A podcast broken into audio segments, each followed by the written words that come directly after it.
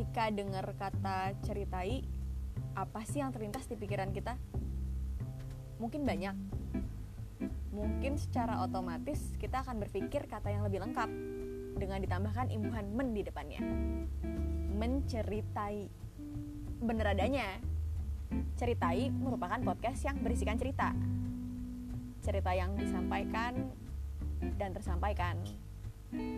Dari dia, kita, kamu, aku, dan mereka. Hidup sampai mati.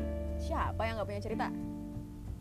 Satu-satunya karya yang pasti kita miliki dari lahir sampai detik ini ya hanya cerita kita milik kita dan gak bisa ditukarkan dengan apa pun lagi Gak bisa kita tukar cerita kita dengan cerita orang lain cerita kita ya punya kita pilihan kita cerita ini punya konsep yaitu bercerita seperti membuang tai. Kita datang kita ceritain. Sampaikan apa pun itu entah kegundahan atau pemikiran. Terus kita flash kita pencet tombolnya kita lupakan. Perkara itu bermanfaat atau tidak ya itu nanti. Tapi ya selayaknya boker.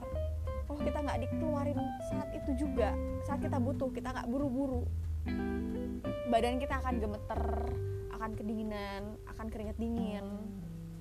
Dan pastinya tubuh kita akan ngerasain sakit yang nggak terkira. Begitu dari saya sekian perkenalan dari ceritai. Saya Aisyah pamit undur diri.